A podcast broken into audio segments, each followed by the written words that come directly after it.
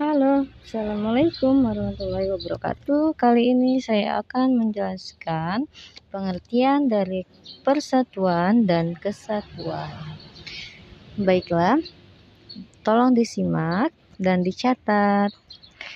Persatuan berasal dari kata satu yang berarti utuh dan tidak terpecah belah Arti luasnya persatuan yaitu berkumpulnya macam-macam corak dari berbagai kalangan, ras, budaya, dan adat istiadat dalam masyarakat yang bersatu dengan serasi. Kesatuan merupakan hasil dari persatuan yang telah menjadi utuh. Hal ini dilakukan untuk terhindar dari disintegrasi.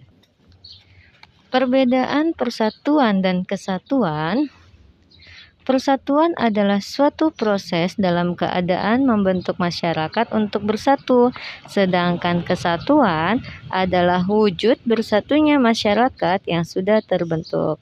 Nah, itu adalah pengertian kesatuan dan persatuan, dan juga perbedaan persatuan dan kesatuan. Makna persatuan dan kesatuan: satu selalu menjalin rasa kepercayaan, kebersamaan, dan saling melengkapi antar bangsa. Yang kedua, selalu berupaya untuk dapat saling menghargai satu sama lain antar sesama bangsa yang berlandaskan rasa kemanusiaan.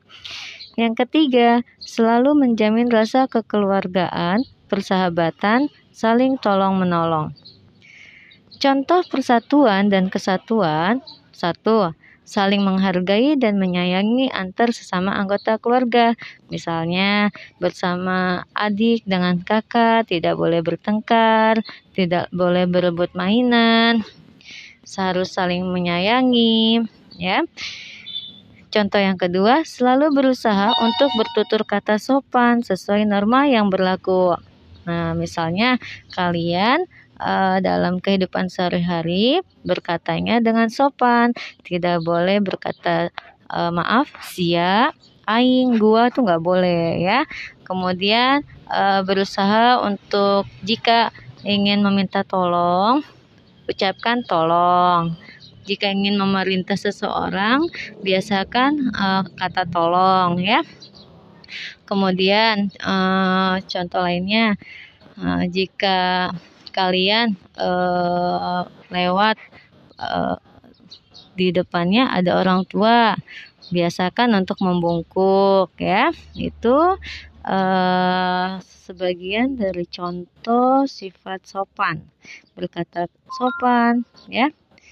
Yang ketiga berusaha untuk menjaga kerukunan baik antar anggota keluarga maupun dengan lingkungan sekitar.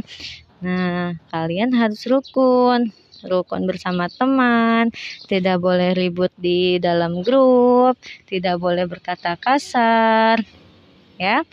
Kemudian, yang keempat, menghargai pendapat orang lain dengan tidak memaksakan kehendak kita kepada orang lain, karena dapat menimbulkan permusuhan dan perpecahan. Misalnya, uh, ibu ambil Delpin misalnya ya Delpin mau berlibur ke pantai tapi si Ani pengen berliburnya ke Bali. Nah Ani itu tidak boleh memaksakan pendapatnya. Bagaimana caranya kita harus musyawarah supaya hasil yang didapatkan itu kita pecahkan bersama dan tidak ada yang terpaksa. Seperti itu ya. Yang kelima, selalu berusaha untuk membantu anggota keluarga apabila sedang mengalami kesulitan. Contoh nih, uh, ibu di rumah sedang sibuk membersihkan baju atau mengepel. Kalian harus membantu menyapu ya. Menyapu atau membersihkan rumah tidak harus dikerjakan oleh wanita atau oleh anak perempuan. Anak laki-laki pun harus uh, belajar membantu pekerjaan ibu di rumah seperti itu ya. Terima kasih.